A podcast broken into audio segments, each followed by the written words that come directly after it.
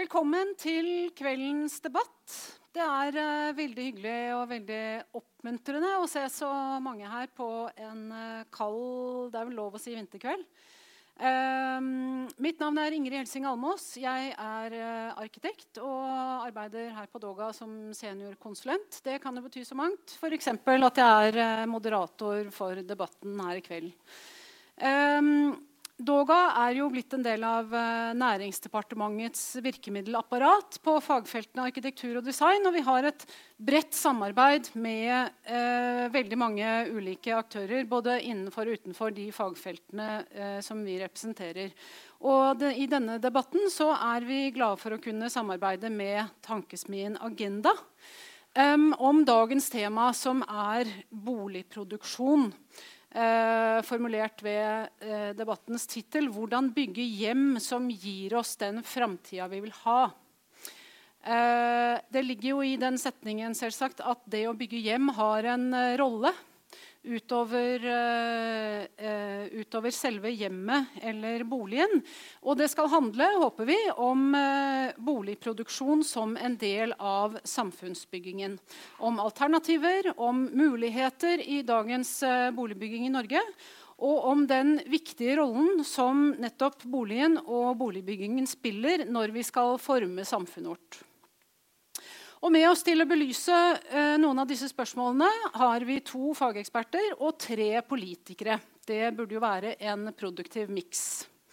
Eh, ekspertene er eh, Siv Helene Stangeland og Harald Martin Gjøvåg. De er begge arkitekter.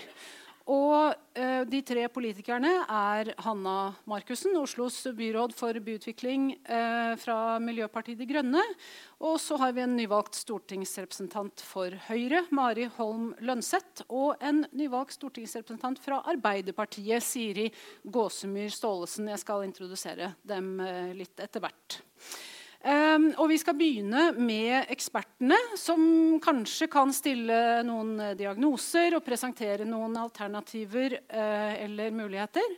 Og så får vi etter hvert politikernes reaksjon på det, og til slutt også uh, forhåpentligvis noen spørsmål eller kommentarer fra salen.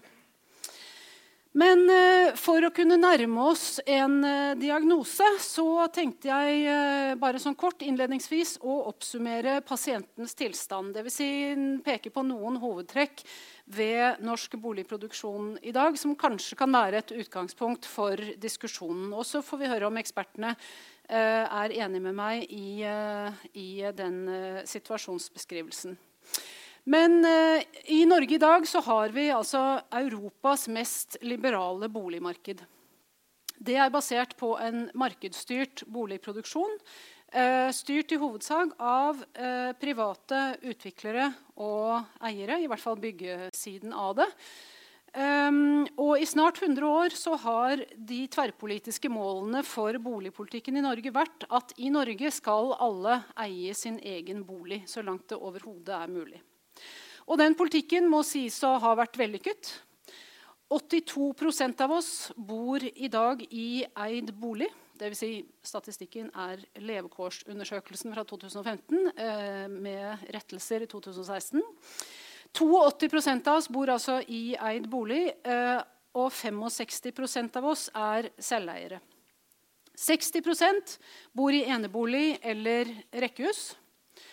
Og av de 18 18% som leier, så leier 85% av de 18% leier av private eiere.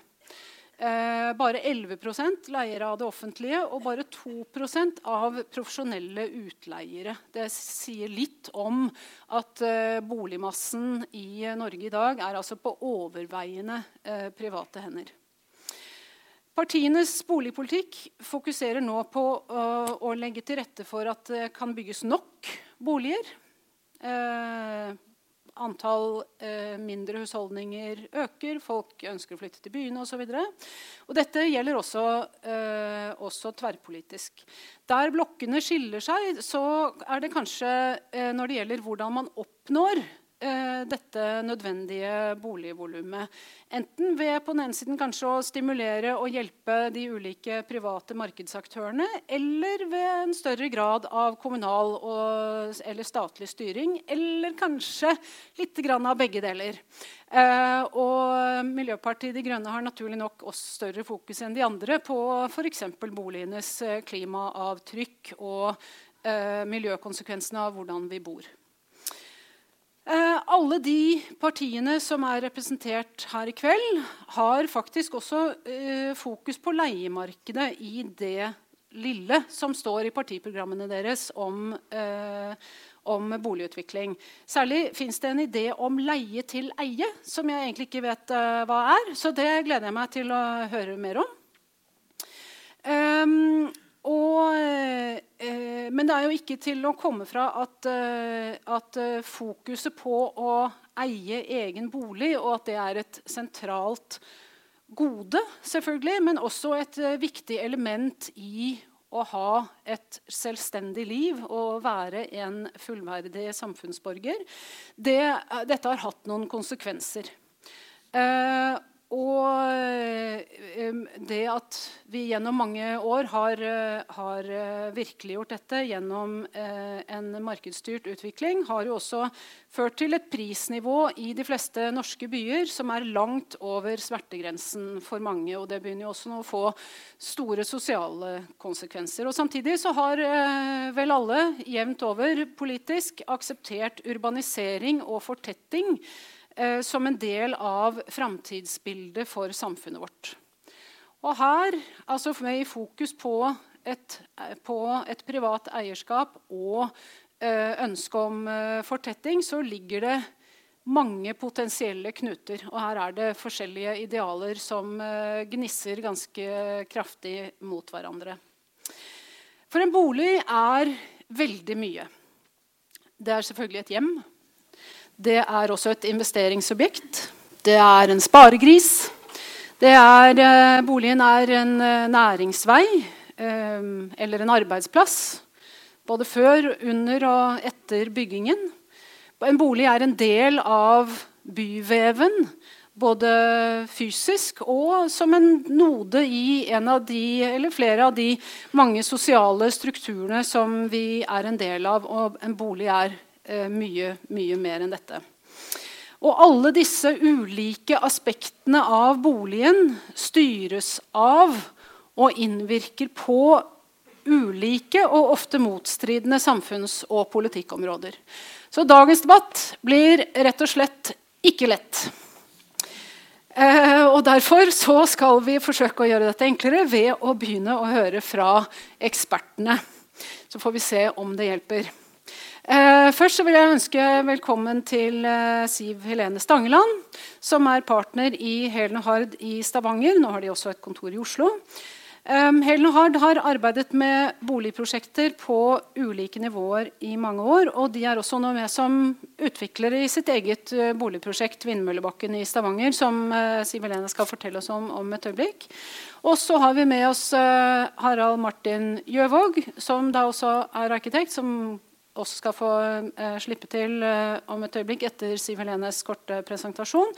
Harald Martin er utviklingssjef i Selvåg bolig og har lang erfaring med grensene for hva som er mulig å få til innenfor rammene av dagens norske eh, boligproduksjon. Både fra arkitektsiden eh, Tidligere eh, har han eh, drevet alliansearkitekter, og nå på utviklersiden. Så vi gleder oss til å få det perspektivet også. Men først, Siv Lene, hvis du vil eh, vise oss litt.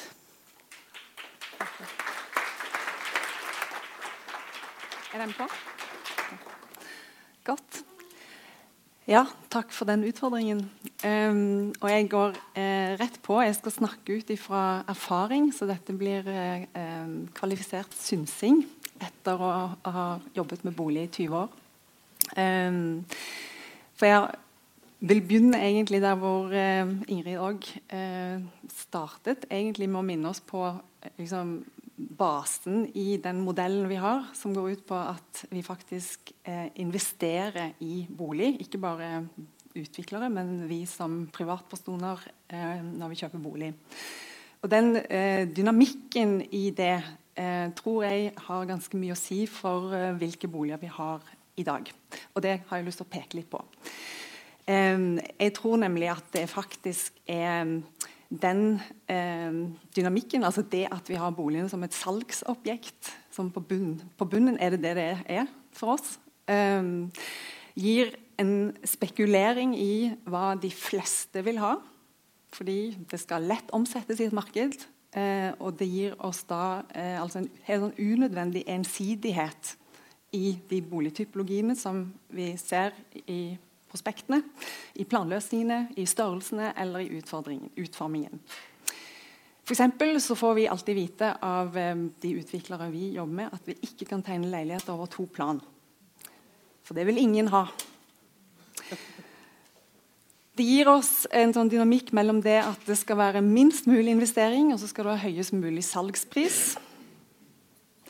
Og da vet vi alle at det har ført til veldig mange små boliger med dårlig kvalitet. Men det har òg ført til at vi ikke har mange miljøvennlige boliger som bygges i dag. Fordi det er faktisk sånn at det fremdeles er noe dyrere å bygge med miljøvennlige materialer.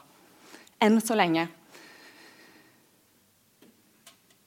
Det gir oss òg en minimal investering i de ikke-salgbare arealene, som jo er alle de arealene som ligger rett utenfor boligen, og som er en del av den hverdagen vi hele tiden opplever. Våre adkomster, våre ganger og trapper, og det er der vi kanskje har muligheten for å møte andre.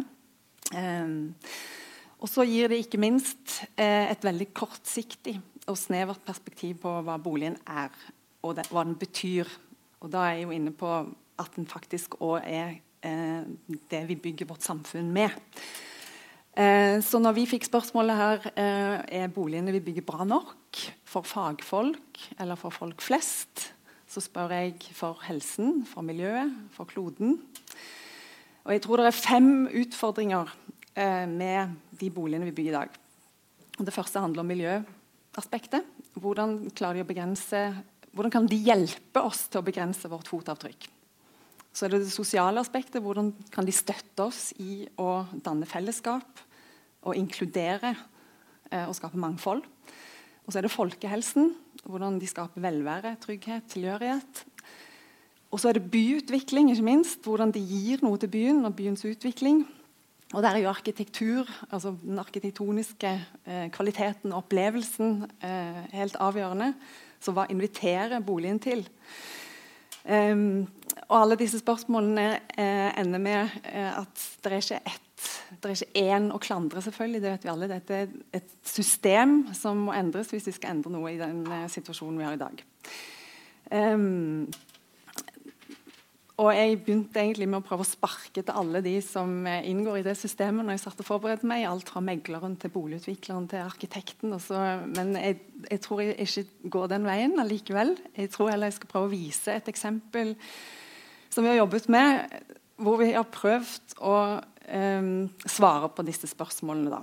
Eh, og det er et prosjekt eh, er egentlig en, en, form for modell for en bærekraftig bofellesskap som går an å lansere på et kommersielt marked. Det vil Si, uh, her kan du melde deg på hvis du er interessert, uten å kjenne noen av de andre. Og så vil vi eh, guide deg gjennom en prosess, sånn at du blir kjent med de andre beboerne, eh, og du forstår hva du kan vinne på å dele mer. For det er det denne modellen går ut på. Eh, tanken er liksom at gjennom det å få kontakt med beboerne i prosessen, så kan vi òg svare mer direkte på et eh, behov i markedet. Um, og da særlig nye familiemønstre. Uh, og det er en enkel filosofi bak. Kan man legge noe av arealet som normalt ligger inni leiligheten, ut i fellesarealene? Og når man slår flere arealer sammen, så kan man til slutt òg spare noe på det totale fotavtrykket. Det er liksom den ressursbesparende delen av det. Men i det så ligger det jo også muligheten for et sosialt fellesskap som man kan bygge opp. Og så ligger det òg muligheten for å få helt andre eh, arkitektoniske eh, og eh, kvaliteter eh, i tillegg til dette sosiale eh, fellesskapet. Her er det utearealer som er felles. Eh, er på, oppe på takene er det fellesarealer, sånn at alle får tilgang på sol og utsikt. Men kanskje det som skiller det mest fra en vanlig eh, utviklermodell, er jo at vi har kontakt med beboerne underveis. Og Dermed kan vi også lytte til eh, hvilke planløsninger er det som trengs. For så kan vi lage en skilsmissebolig. Men ellers er boligene veldig små og kompakte. Men de er alltid sånn at du har alt du trenger, og ikke er tvunget ut i fellesskapet. Eh, så ser vi òg at eh, det å lage bofellesskap med fellesfunksjoner òg er noe som gir noe til naboskapet. Fordi du får eh, felles funksjoner på bakkeplan som skaper mer liv og kontakt ut, sånn at man ikke privatiserer hele grunnflaten. Så her er prosjektet det er 40 enheter totalt. Og nå er akkurat byggingen startet på første byggetrinn, som skal stå ferdig neste år. Så tenkte jeg å peke litt på hva andre, eh, eh, andre land eh, gjør i forhold til boligutvikling. Eh, altså Fins det andre modeller for boligutvikling som ikke bare eh, stoler på det private utviklermodellen? Um, det jeg viste nå, jo, er jo på en måte noe som vi har prøvd å få til innenfor det. Og så skal jeg peke på hva som er utfordringene etterpå, um, og hva vi klarer og hva vi ikke klarer å få til innenfor um, de rammene som en sånn privat utviklermodell er. Men altså, i Freiburg i Syd-Tyskland så har de i over 20 år prøvd å utvikle uh, et stort byområde basert på noe de kaller for uh, Bau-gruppe byggegrupper. Og det er rett og slett beboere som går sammen i større grupper, eh, velger en arkitekt og får egentlig tildelt en rimeligere tomt av eh, kommunen. Og det er faktisk sånn da at eh, Jo mer demokratisk miks det er i den beboergruppen, og jo høyere ambisjoner de har i forhold til miljø, jo eh, rimeligere tomt får de. For da ser kommunen at dette her er jo en investering i trippel bunnlinje eller med flere bunnlinjer. Eh, dette er bare et par bilder fra eh, FAU, BAU, heter det vel. Eh, den ene av disse eh, utvik utviklingsområdene som er basert på denne type modell. Det interessante er jo at det at de har involvert beboerne så mye, eh, har ført til at hele området er eh, full av eh, miljøtiltak. Fordi det ligger faktisk eh, sluttbrukeren på hjertet. Eh, men jeg har prøvd å sammenligne litt eh, nå som en avslutning. en utviklermodell mot den modellen vi prøver å få til innenfor en privat utviklermodell, og en byggegruppemodell. Og så håper jeg at dere klarer å følge med i svingene. Men det er egentlig veldig lett. Eh, og ja, det, det, er veldig forenklet. Men altså, en utviklermodell har en sluttpris som gir en markedspris. Som er lik markedsprisen. Og det er det òg i vårt boligprosjekt. Eh, mens i en byggegruppemodell så er sluttprisen byggekosten. Det vil si at den ligger faktisk under 20% altså Din bolig koster 20% under markedsprisen fordi man unngår profitt og risikokapital. Som ligger i begge disse to modellene. Eh, en, I utviklermodellen vil det alltid være formuebygging for de rikere. Det vil òg være i vår modell. Eh, mens her er det da òg mulighet for de som har lav inntekt, å begynne å bygge formue. Eh, I utviklermodellen vår er det omtrent ingen brukerpåvirkning underveis i et prosjekt. Eh, verken på kost eller på bærekraftige løsninger. I vår modell er det en del brukerpåvirkning, men ikke på kosten. Eh, og det er bærekraftige løsninger som er ivaretatt av selve modellen. For det har vi satt en standard for. I byggegruppemodellen så får de direkte påvirkning både på kost og på bærekraftige løsninger. For der er beboerne med hele prosessen. Helene, kan du presisere hva kost er for noe? Altså rett og slett kostnad. kostnad. Unnskyld. Litt engelsk inni her. Eh, I utviklermodellen er det ingen planløsningsfleksibilitet som regel, for den er satt på forhånd. Eh, vi har planløsningsfleksibilitet i gaining by sharing til en viss grad.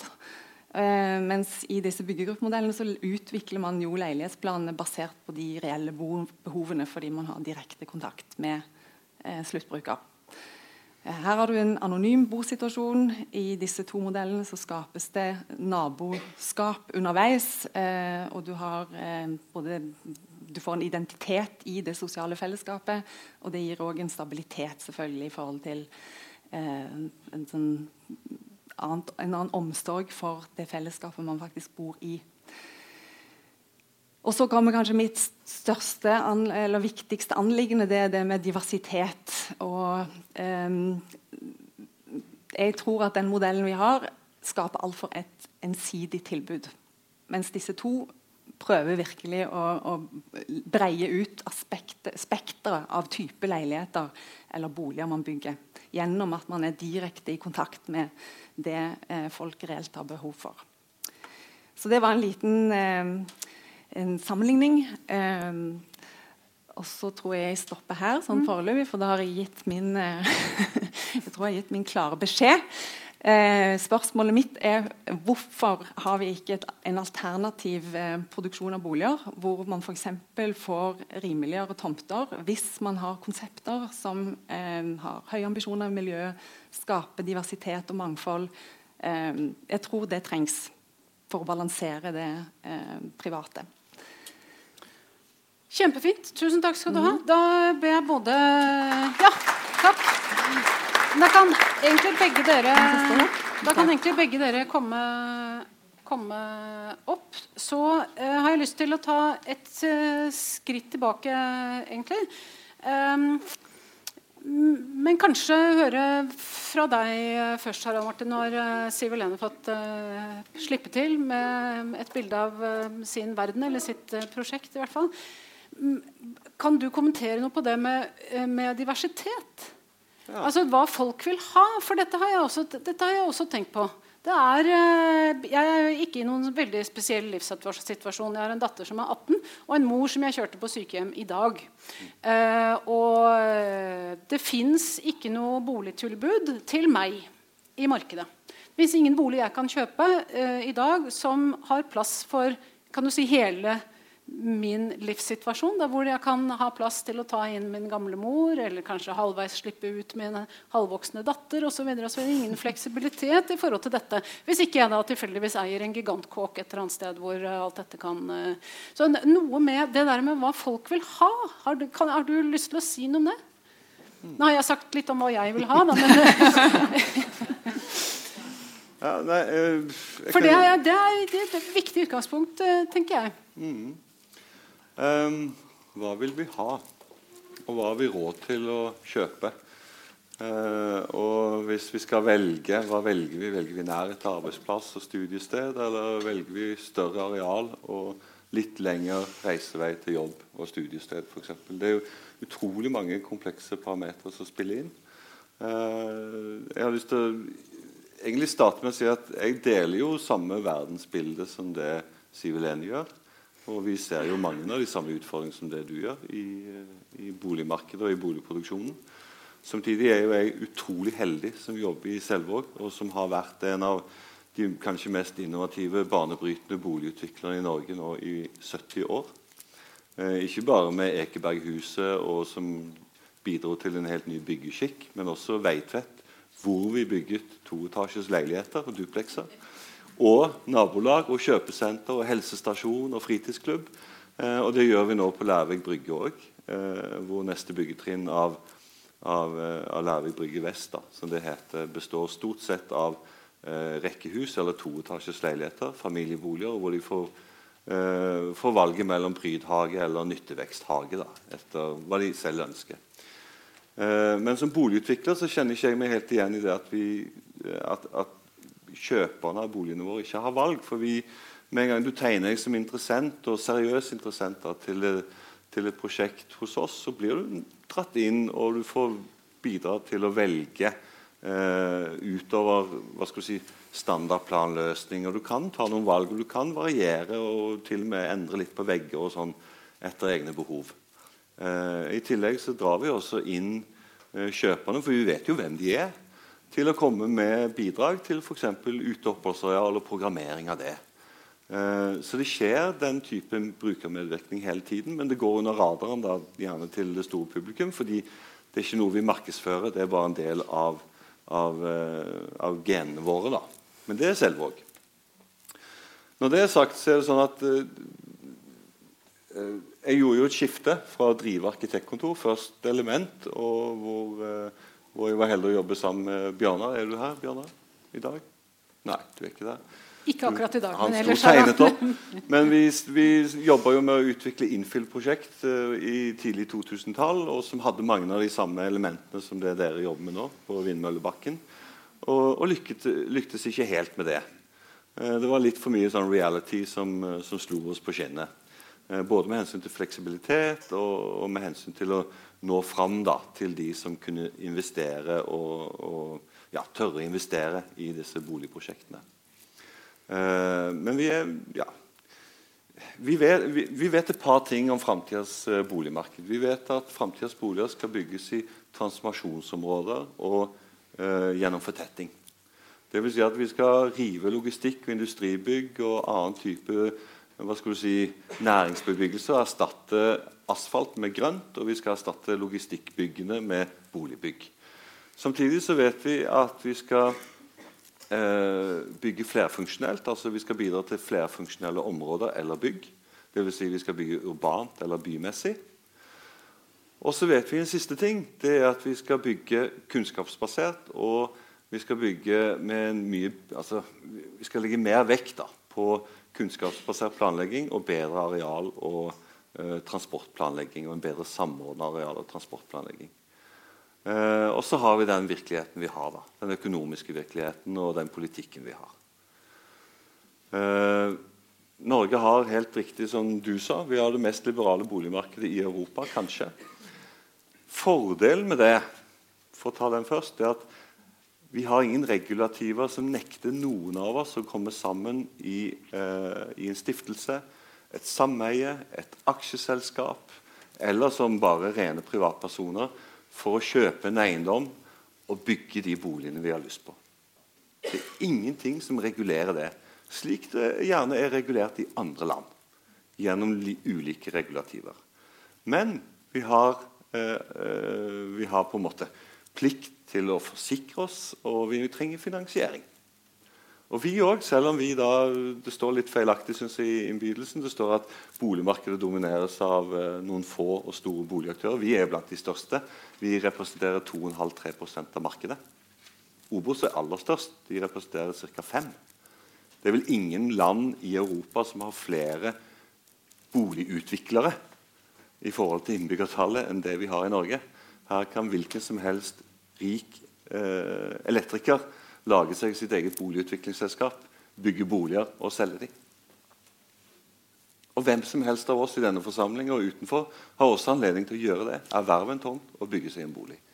Men så er det noe som hindrer oss. da. Og Det er litt med kultur og litt med struktur og, og samfunnsøkonomi å gjøre og kunnskap, som du refererte til. For det tenker jeg, det, Dette har jeg også tenkt på. At folk vet jo mer om mobiltelefonene sine eller enn om de vet om, om, boligene som de investerer millioner i og blør for i årevis etterpå. Eh, alle låner jo gjerne litt mer enn de egentlig er komfortable med. Mm. Eh, går det an å gjøre noe med det? Altså jo, men hør, det, det, er nettopp det jeg prøver å si at vi, Fordi vi har det liberale boligmarkedet vi har, så kan jo øh, den gjengen her vi kan samle oss, så kan vi erverve en tomt, og så er vi enige om at ingen skal tjene penger på hverandres lykke eller ulykke. Og så skriver vi noen statutter oss imellom, og så går vi i gang. Det er ikke noe problematisk å gjøre det. Er det dyrt? Eh, hvorfor, altså, hvorfor gjør ikke Jo, det var det som mitt poeng. Hvis folk ikke gjør det, så må det jo være fordi de ikke vet at det går an. Eh, og fordi de ikke har, uh, har, kunnskap til å sette i gang. Da. Ja, men Nå må du speile dette til din egen introduksjon, hvor ja. du sier at 60% av husstandene i Norge er eneboliger eller småhus. Og Det er jo noe av forklaringen. Eh, vi har ikke den samme regulatoriske strengheten på at du ikke får bygge ned eh, tettstedene våre eller utenfor byene, sånn som man har i Østerrike eksempel, med mye strengere landreguleringer enn det vi har i Norge. Uh, I tillegg så er det sånn at vi har en ganske svak uh, mobilitet i arbeidsmarkedet. Som igjen speiler måten vi agerer på, i, også i boligmarkedet. Eh, ta det eksempelet at Hvis du har lyst til å stå helt fritt med hvordan du ønsker å bo, så er det like rimelig å bygge seg en helt ny enebolig én times kjøring fra Oslo som det er å kjøpe mm. seg en 60 kvm leilighet innenfor Ring 3. Så 60% av oss bor i drømmehuset allerede? Ja, og mer enn det òg. Ja. Husk på at det var jo antall husstander, men altså i, i, forhold til befolkningen ja, så er vi oppe i 85% av oss bor jo i småhus. Uh, skal vi også huske på at når vi, når vi, prøver å drøfte disse tingene her og prøver å speile kompleksiteten, så er det så, det er så vanskelig å sette seg inn i alt at man blir litt sånn forvirra. Uh, ta 'gaining by sharing', da, som vi, uh, som vi, har diskutert mye hos oss også. Og som er et, er et godt forbilde og et viktig forbilde. Hos oss har vi det som heter Selvåg pluss, som er ikke det samme, men hvor folk da heller betaler for fellesskapet. De betaler ekstra for å ha de fellesskapsrommene, men stort sett ikke for arealet. Men det er for den eh, som betjener funksjonene. Fordi vi ser at en sånn akkumulator, altså en person som blir en sånn slags hva skal du si, en, en vert eller vertinne, da, bidrar litt ekstra til å skape samhold, f.eks. Enn å bare kaste folk ut i det. Eh, for det å kaste folk ut i det, som dere gjør, krever jo enormt mye forarbeid. Som du sier, dere, jo, dere lar folk bli kjent med hverandre osv. Ja, vi, ja, vi kaster jo ikke folk ut i det. Nei, men, det, men dere kaster ikke folk ut i det. Men dere, dere jobber mye for å tilrettelegge da, ikke ja, sant? For, for at ja. dette skal kunne virke over tid. Og uh, ja, Jeg vet ikke om jeg har så mye mer å si mm. til akkurat den bolken der, men i Norge så har vi vi har statlige planretningslinjer, uh, og så har vi en sånn overordna uh, og egentlig også tverrpolitisk eh, boligpolitikk. Men den er først og fremst forankra lokalt i kommunene og gjennom kommuneplanens arealdel og samfunnsdel. Og jeg synes Det er enormt viktig å huske på at boligutviklingen er ikke bare markedsstyrt. Det er ikke fritt fram. Eh, for det første så har vi dyktige, noen ganger ikke fullt så dyktige, eh, planavdelinger spredd rundt på litt for mange kommuner i et litt for lite land, som lager arealplaner, dvs. Si kommuneplaner. Der bestemmer politikerne og for så vidt byråkratiet hvor man skal legge vekt på boliger, hvor man skal legge vekt på andre funksjoner. Det er liksom nummer én. Nummer to er jo at før vi går i gang og erverver grunn, så må vi se til kommuneplanene. Og det er jo ut ifra bestemmelsene i kommuneplanen at vi bestemme oss for om vi tør å investere i det området eller det området og det området. Og da vet vi, altså Rammene er lagt, eh, både med hensyn til bruk og med hensyn til utnyttelse. Eh, og så har vi også ganske gode system for å forankre våre forpliktelser til lokalsamfunnet. I Oslo har de det som heter veiledende plan for offentlig rom, eh, som bidrar til å se over reguleringsgrensene. Sånn at vi sikre det offentliges interesser på tvers av mange private reguleringsplaner. Eh, vi har kommunedelplaner. altså bare For å ta den regla en gang til. da. Hovinbyen som et godt eksempel. Der har vi kommuneplan. Vi har kommunedelplaner. Vi har kommunedelplan for torg- og gaterom. Vi har veiledende planer for offentlig rom. Vi har eh, strategisk plan for Hovinbyen. I tillegg så har vi utearealsnormer med fire kategorier områdetyper. Vi har, eh, eh, har støysonekart, vi har svevestøvskart, og vi har fandens oldemor, og jeg vet ikke hva. Eh, og vi har, vi har, såpass mange regulativer at det er ikke fritt fram verken for oss eller noen andre å gjøre liksom, hva vi vil. Og hva er det vi vil? Jo, vi lever av å bygge boliger, ja, men vi vil jo også bidra til gode, bærekraftige nabolag. Vi har et evighetsperspektiv på boligproduksjonen vår. og Med en gang vi gir faen i samfunnet, så gir samfunnet faen i oss. Det kan du være helt sikker på. Unnskyld kraftuttrykket. det må være lov på en tirsdagskveld. Men det der, det der å zoome litt ut, da ja. og Det er også flaks sånn sett at jeg jobber nå i en bedrift som har ressurser til å jobbe kunnskapsbasert. Vi har mulighet til altså Alt tall og materiell og samfunnsforskning og alt ligger jo der ute. Men det er veldig få som forsker på byene våre. For I boligkvalitetsdebatten så er det jo ingen som sier at byen i seg selv har en kvalitet. At det å bo nær Norges, I Oslo, da, for eksempel, det å bo midt i Norges største arbeidsmarked, at det er en kvalitet i seg selv. Og For mange av oss så trumfer det f.eks. utsikt til fjorden. Sånn er det jo bare. Og Hadde det ikke vært sånn, så hadde jo ikke vi fått solgt disse leilighetene på Løren Mm. Eh, med, med, ut, med, utsikt til en lokal park, f.eks. Eh, men allikevel, siden vi nå er i den fa faglige eh, ekspertbolken av uh, debatten, så uh, sier jo i hvert fall uh, arkitekter til hverandre vi bygger de dårligste boligene vi har bygget siden krigen. Ja. Og nå snakker jeg ikke om Selvags plussboliger og jeg snakker ikke om gaining by sharing, men at det er mye triste boligblokker rundt omkring i Oslo. Det er det. Det er det. Ja, det er masse kjedelig arkitektur. Det er masse triste ja, ja, boligblokker fra tidligere perioder også. Det er det. Eh, så, så, men bare for å liksom komme tilbake til diagnosen når når jeg påstår at uh, Men det er masse at, uh, fine boligbygg òg, da? Ja, jeg har sett noen i dag. Det er faktisk veldig fine. Så, og, og, jeg synes jo at det at det, og meningen er ikke her at dere skal stå og bli enige om Selvåg pluss eller Gaining by sharing er på en måte den mest interessante modellen. Jeg syns det bare er fantastisk at vi har faktisk uh, to representanter for alternativer til mye av det som bygges. Innenfor det, du, det bildet som du trekker opp, Harald Martin, så kan vi jo lure på hvorfor er det ikke flere alternativer? Hvorfor er det ikke flere modeller? For det med ensartingen det synes jeg er et, eh, en, en, viktig ting å diskutere. Det påvirker sosiale strukturene i byen, det påvirker byen, og det påvirker eh, ja, mye mer enn den enkelte boligen. Ja, bare for å replisere det, fordi Hvis du reiser fra hvilket som helst land i verden og inn til Norge i dag og skal finne et sted å bo, så kan du først velge skal jeg bo i leilighet, eller skal jeg bo i småhus? Skal du bo i småhus, så kan du velge tomannsbolig eller firemannsbolig, rekkehus eller enebolig. Skal du bo i leilighet, så kan du velge å leie en leilighet, eller du kan velge å kjøpe en leilighet, eller du kan velge deg en borettslagsleilighet. Nå har de der reelle lavinnskuddsboligene forsvunnet litt fra markedet, for det ble ødelagt av litt sånn vill spekulasjon på 90-tallet og fikk dårlig rykte.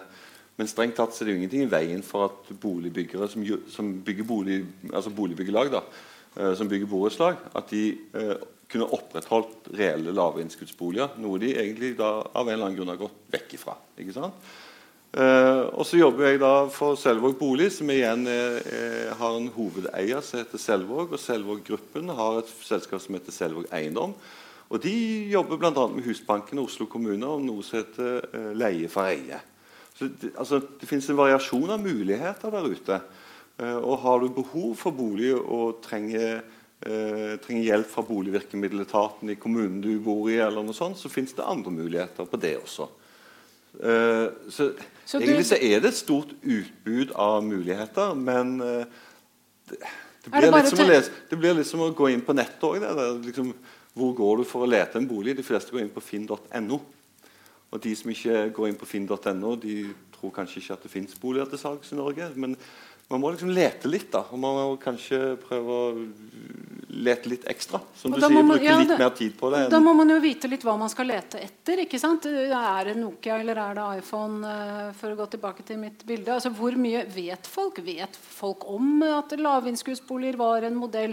Vet folk om at uh, det fins ulike former for borettslagsløsninger? Altså ja, det tror jeg folk flest vet, og jeg tror at folk flest agerer ut ifra det òg. Og så har vi jo havna i den situasjonen at som du sier, boligen har blitt både en sparegris og et investeringsobjekt, samtidig som det er hjemme til folk. Og eh, hvis du ser på hele boligprisutviklingen eh, kontra eh, tomteprisutvikling eller entrepriseprisutvikling osv., så, videre, og så, videre, så er det klart det ja, det henger litt sammen, men mm. summen av de høye boligprisene, selv om vi betaler mindre av lønna vår til bolig enn både svensker og dansker og de fleste andre i Europa gjør Visste dere det?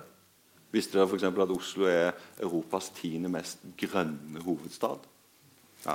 Altså det er litt sånn, Vi har det egentlig steinbra, og vi bygger jo med utrolig bra teknisk kvalitet òg. Uh, og vi treffer ofte markedet med de boligene vi bygger òg. Nå sto nettopp NHL-presidenten fram og sa at nå bygger vi altfor få små boliger. Uh, fordi kravene til at vi skal bygge så mange familieboliger, gjør at de blir for dyre, og at alle de parene som går fra hverandre eller osv., har ikke råd til å bo der hvor De har ikke engang råd til å bo i skolekretsen sin hvis de går fra hverandre. Liksom. Så det er liksom utrolig sammensatt. Ja, det er det. Men, og, la oss være ærlige om det. da, at vi, vi, trenger nok, eh, Jeg mener at vi trenger mer forskning.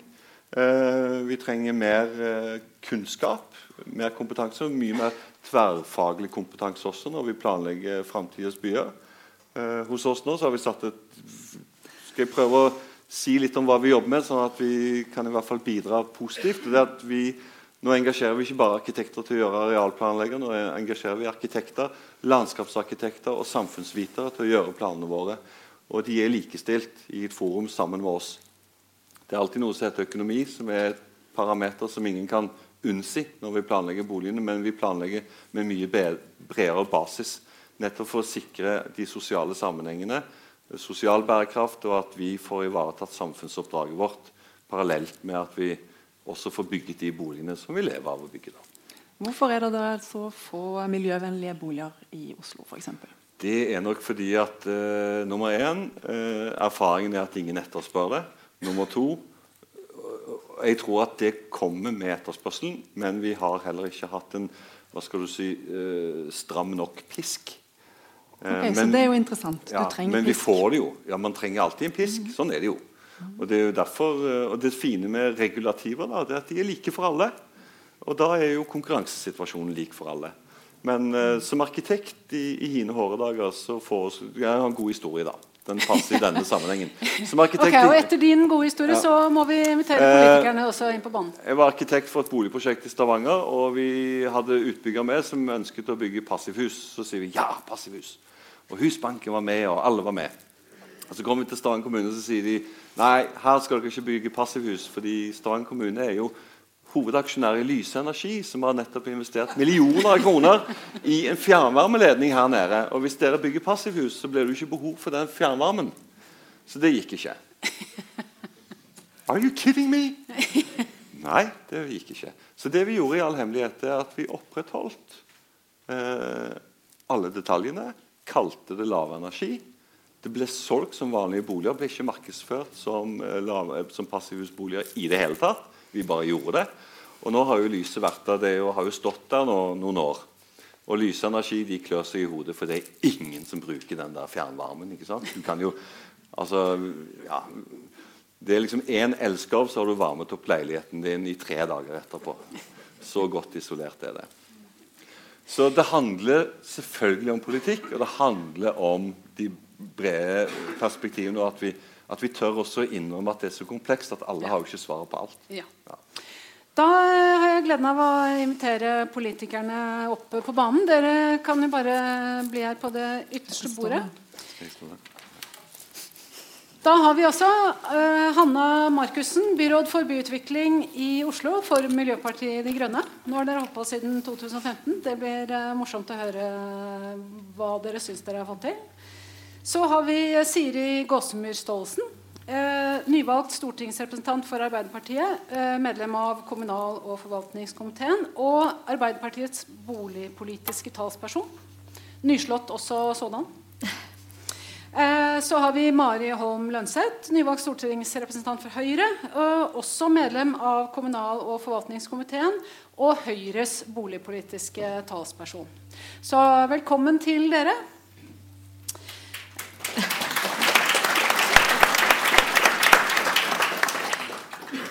Da jeg snakket litt med deltakerne her på, på forhånd, så, så, har jeg stilt noen helt eh, enkle spørsmål. Og det første spørsmålet jeg har spurt eh, til politikerne, som de har hatt anledning til å tenke litt på, er eh, Syns dere boligproduksjonen i dag fungerer etter sin samfunnsmessige hensikt? Vær så god, svar, svar på den. Um, Hanna Markussen, har du lyst til å begynne? Ja. Um, nå må jeg jo si at det spørsmålet er såpass stort at det er, og, og det er blitt enda større etter ekspertenes innledning. At her er det uh, både ja- og nei-svar på det. Uh, så Derfor så tenker jeg å dele det litt opp og kanskje ikke svare på alt sammen på en gang. Um, men et, og Det bygges mye bra boliger i Oslo, ikke tvil om det. Men et uh, relevant spørsmål som kom opp her fra um, Siv Helene, er dette med miljøstandarden på boliger. Og Der har vi en utfordring. Jeg tror det henger noe sammen med de mekanismene som er der. Fordi når det på, på, næringsbygg så har vi veldig mange uh, gode uh, klimavennlige bygg i Oslo. Det henger sammen med at man da har store leietakere som skal inn, som f.eks. er veldig opptatt av omdømmet sitt, og ikke minst opptatt av at det faktisk er bra for produktiviteten til de som arbeider der, å jobbe i et miljøvennlig bygg. Um, mens man som boligkjøper så står vi stort sett én og én. Uh, og med de prisene vi har i Oslo, selv om det, man kanskje bruker mer penger um, uh, i andre uh, storbyer i Europa, så er det klart at engangsinvesteringen i en bolig er høy. Eh, og da blir det veldig ofte at man som boligkjøper eh, Først er man opptatt av eh, lokalitet. Hvor i byen skal jeg bo? og så er det hva har jeg råd til der? Og på den listen så, så, så, kan man ikke da velge mellom bredt spekter hvilke miljøvennlige boliger i dette området har jeg muligheten til å velge mellom. For det valget er, altså kommer såpass langt ned på den listen fordi at lokalitet og pris betyr så mye at du har ikke egentlig muligheten til å gjøre så veldig, sette så mye andre krav. Så der tror jeg det er en mekanisme i boligmarkedet som gjør eh, at vi har en utfordring med å få til mer eh, miljøvennlige boliger. Selv om det gjøres noe bra, blant annet så er det i ferd med å bygges et eh, Bream-sertifisert boligbygg i Bjørvika. Så det er noe på gang der, men allikevel så er mekanismene annerledes innenfor boligmarkedet. og Det tror jeg vi skal ta eh, på alvor. Eh, og så er det litt dette med eh, variasjon, som for så vidt også har vært innom. Og der er det eh, At så mange eier egen bolig i Norge, er veldig bra. Men i en by som Oslo så vil det også være til enhver tid ganske mange mennesker som er på leiemarkedet. Og som er på et som du for så vidt selv sa tallene på, et veldig uprofesjonalisert uh, utleiemarked, som kanskje fører til en god del usikkerhet uh, i forhold til lengde på leiekontrakt f.eks. Uh, og ikke minst at man kan få en problematikk at når en bydel uh, oppgraderes på en del ting, så får man også en gentrifisering som gjør at mangfoldet forsvinner ut av bydelen. Derfor så har vi i Oslo for eksempel, i bydel Gamle Oslo som ønsker å være en pilotbydel for nettopp en mer sosial boligpolitikk. Også flere sånne grasrotinitiativer som kommer. Eh, Tøyen boligbyggelag som er i ferd med å stiftes bl.a. Nettopp for å sørge for at vi har mekanismer som sikrer at vi har mangfold og beholder mangfoldet, og at ikke enkelte bydeler bare blir for de som har råd til å eie en dyr bolig. Så både variasjon og miljø tror jeg at vi trenger en mer aktiv politikk for å sikre. Men jeg hører at uh, variasjon det er fremdeles på unntaksnivå. Det gjelder vel for så vidt også mm. Selvåg pluss, selv om det er et uh, forholdsvis etablert uh, kommersielt konsept. Men gaining by sharing er eksperiment. Og prosjektene på Tøyen også pilotprosjekter. det er et stykke fram før vi har en, en, variasjon i tilbudet som gjelder generelt. Vi har jo også med oss to nasjonalpolitikere. Jeg synes det er viktig at dette ikke bare blir en Oslo-debatt. Det er veldig fint at vi har med deg fra Stavanger også, selvsagt. Uh, uh, hvis vi tar deg fra Arbeiderpartiet først. Fungerer boligpolitikken etter sin hensikt? Som samfunnsbygging i Norge i dag, et nasjonalt, fra et nasjonalt perspektiv? Jeg tenker i hvert fall at Noe av det Arbeiderpartiet er aller mest stolt av, er at vi har en boligpolitikk hvor det har vært så viktig for oss at så mange som mulig eier sin egen bolig. Det har jo vært eh, viktig for Arbeiderpartiet i alle de årene vi har eksistert. Eh, bare det å få sant, de fattige, arbeiderklassen, til å få sin egen bolig, eh, har betydd enormt mye for den velferdsveksten som vi har opplevd i Norge. Så er det sånn nå at vi har noen megatrender som er veldig sånn altoverskyggende for framtida vår. Det er klima, selvfølgelig. Det er urbaniseringen det mest miljøvennlige vi faktisk kan gjøre, er jo å bo i by. Og det er eh, eldrebølgen.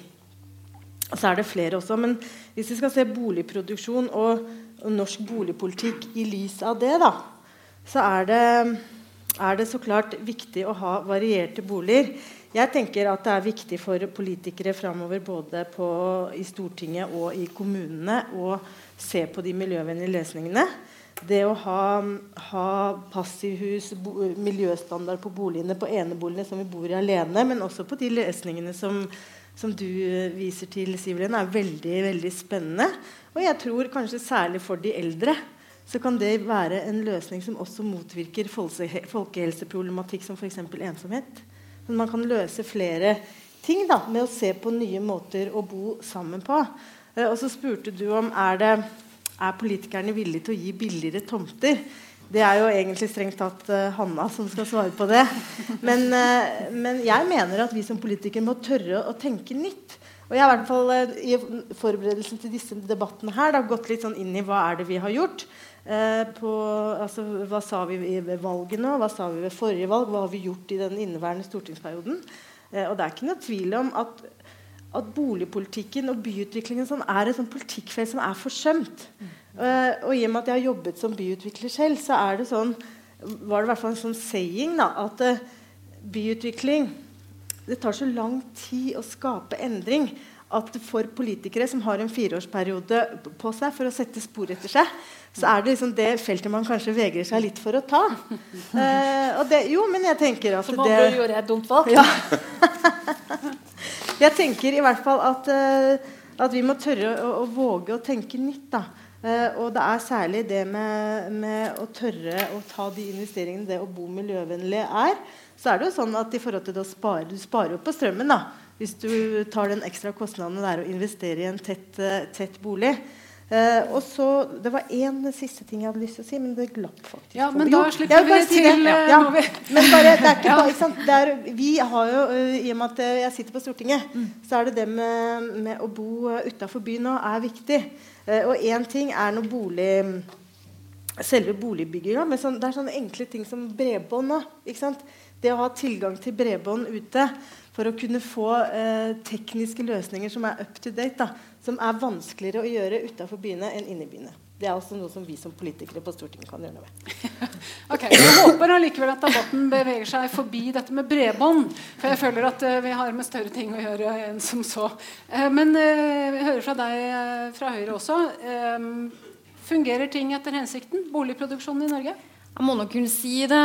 I det store og hele så har jo vi et velfungerende boligmarked i Norge. Det må vi jo kunne si. Og jeg mener at en av de største oppgavene vi har som politikere, særlig vi som sitter eh, rikspolitisk, er eh, å sørge for at vi holder fast ved det selveierdemokratiet vi har, som gjør at over 80% av oss også faktisk eier vår egen bolig. Jeg mener at det er viktig eh, av, av flere grunner. Jeg mener at det bidrar til å spre makt i samfunnet vårt. Vi har veldig mye av verdiene våre liggende i bolig. Eh, jeg mener at det er viktig også for verdiskapning. Det mener at det er et litt sånn underkommunisert eh, poeng, fordi at vi faktisk tar veldig godt vare på mye, mye av det vi eier sjøl. Men vi har jo et sånn som det også har vært nevnt, et liberalt boligmarked. Og det fungerer jo også, også da. Så kan man si, også som Selvåg påpeker helt korrekt, at selv om vi har et ganske fritt boligmarked, så betyr ikke det at vi har et boligmarked uten reguleringer. Vi har egentlig ganske mange strenge reguleringer som knytter til bolig, til hvor god kvalitet det skal være på boligen. Og vi klarer også, eh, selv om vi har også det, så ser vi at det kommer altså Vi har altså innovative utbyggere og utviklere som jeg mener at vi politisk også er nødt til å heie mer på enn hva vi kanskje har gjort tidligere. Vi ser jo på, jeg synes Det er egentlig veldig spennende prosjekt fra alle hold. Og det her ser vi jo at, uh, at, at kommer frem nå når vi har markedet på den måten vi har i dag. Jeg kan bare si et par, par småting til. og Det knytter seg også til det samme som kan, kan man få til å kjøpe tomter billigere hvis man sier at man skal bygge veldig miljøvennlig. Det tror jeg at den enkelte kommune er best til å se på hvilket behov det er for, for selv. Jeg mener at Som rikspolitiker så har vi et ansvar for å tilrettelegge. Men jeg tror at det er kommunene sjøl som kan utøve det beste skjønnet for å sørge for at vi får utvikla også mer miljøvennlige boliger, som jeg tror at det er tverrpolitisk enighet om. Det har Høyre også programfesta, i at vi vil ha mer passivhusstandard. Legge til rette for at folk skal få lov til, til å bygge ut det. Så er det dette her med byutvikling, som jeg tror er veldig viktig i, i årene som kommer. Og det handler egentlig om at vi skal bygge ut gode bo- og arbeidsmarkedsregioner. Eh, der mener jeg at alle regionene rundt omkring i, Norge har et ansvar for å sørge for at det blir bygd ut boliger i og rundt eh, kollektivknutepunktene. Det legger jo også regjeringa opp til ved at vi sponser veldig mye av kollektivtrafikken rundt de store byene mot at man, man bygger ut eh, rundt, rundt dem. Så eh, vil jeg bare knytte en, en kjapp, kjapp, liten kommentar til, til, det egentlig noe av det siste som eh, Siri fra Arbeiderpartiet sier, og det er at byutviklinga de siste årene er, er, forsømt. Jeg er jo egentlig også lokalpolitiker i Trondheim. eh, hvor eh, Arbeiderpartiet har styrt i ja, 16 år. blir det snart.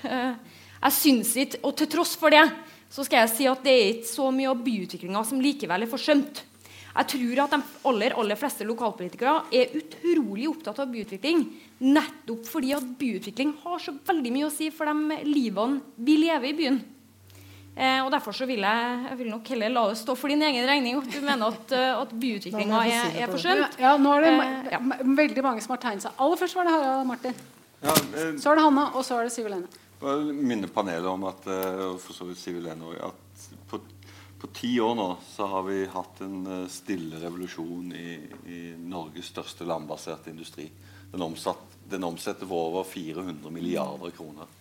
Og der er boligbyggingen et imperativ. Eh, eh, energikravene har blitt eh, strenge. De er strengest i Europa. Når det gjelder det å bygge mer miljøvennlig, så gjør vi jo det. eh, og vi har gjort det automatisk som følge av først og fremst forskriftsendringer og noe pga. Uh, av eh, andre markedsmessige hensyn. Vi er eh, ikke så lite innovative heller. Vi bygger mer og mer i massivtre f.eks. Og flere, bl.a. Siv Helene og andre store entreprenører som Veidekke med flere, har bidratt til at nå er ikke massivtre en obskur greie lenger og såkalt eh, miljøvennlig. Nå er det helt normalt. Nå koster massivtre eh, bolighus 100 kroner mindre per kvadratmeter enn betong. Så der det er hensiktsmessig, så velger flere og flere det.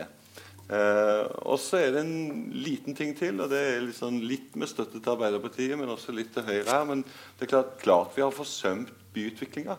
Det er jo et stort paradoks at vi har fremdeles har en plan- og bygningslov som egentlig har lagt opp til eh, det min kollega Bjørnar Johnsen sier, kasser på et jorde. Eh, vi har gjort eh, tilbake til det med å ha ressurser rundt seg, men vi har gjort et regnestykke hos oss. og Merk dere at det er kun ca. 30% av boligkvartalene innenfor Ring 2 i Oslo som kunne blitt tillatt bygget i dag, slik vi praktiserer lov og føringer og veiledninger. Og Det er tankekors. Det er derfor du får sånne knutepunktsutbygginger som Grefsen stasjonsby osv. som ser at helvete ut til. Eh, fordi at vi har ikke engang mulighet til å videreføre eh, Karébyen og den tette byen eh, slik vi har stablet alle kravene oppå hverandre. Og Det er en viktig forsømmelse i byutviklingspolitikken. Og der eiendoms- og boligutvikling faktisk står for i byene i snitt over 17,5% av verdiskapningen. Dette er ikke kulturpolitikk, altså. Dette er hardcore næringspolitikk. Absolutt. absolutt. Det er Hanna.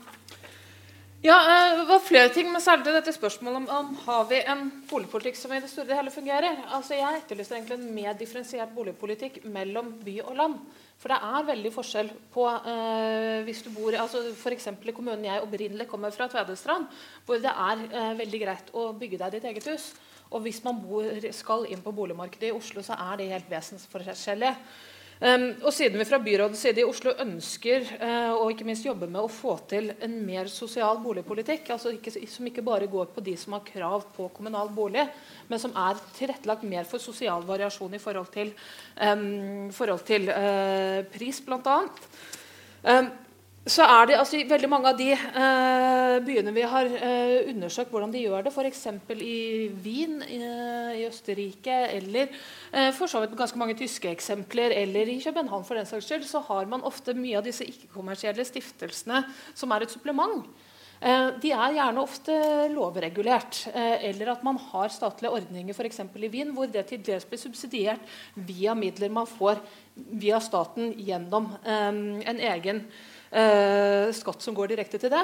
Så da har man nasjonale mekanismer som allikevel bidrar til at man klarer å ha dette varierte boligtilbudet i storbyene. Um, en sånn form for lovgivning har vi jo ikke i Norge i det hele tatt. Noe som er tilpasset nettopp det at man skal ha noe i tillegg og som et supplement. Og jeg tror at i, særlig i Oslo, men kan, kan godt være at det gjelder de andre større byene i Norge også, har behov for en mer differensiert og variert boligpolitikk enn det man egentlig har i mindre kommuner hvor man ikke har samme priser på tomter og, og det å bygge selv. Så det blir enda vanskeligere faktisk enn det det er i dag. Hvis du skal gjøre politikken også differensiert. Ja, eller i hvert, fall, mer det å skape rom for variasjon. For det at, eh, altså ikke det at Jeg tror ikke vi skal ha sånn som København, for eksempel, hvor en ganske stor andel eh, i København er på leiemarkedet. Enten på privatleiemarked, eller på, eller altså på kommersielt leiemarked, eller på eh, subsidiert leiemarked. Så stor andel tror jeg ikke vi skal ha.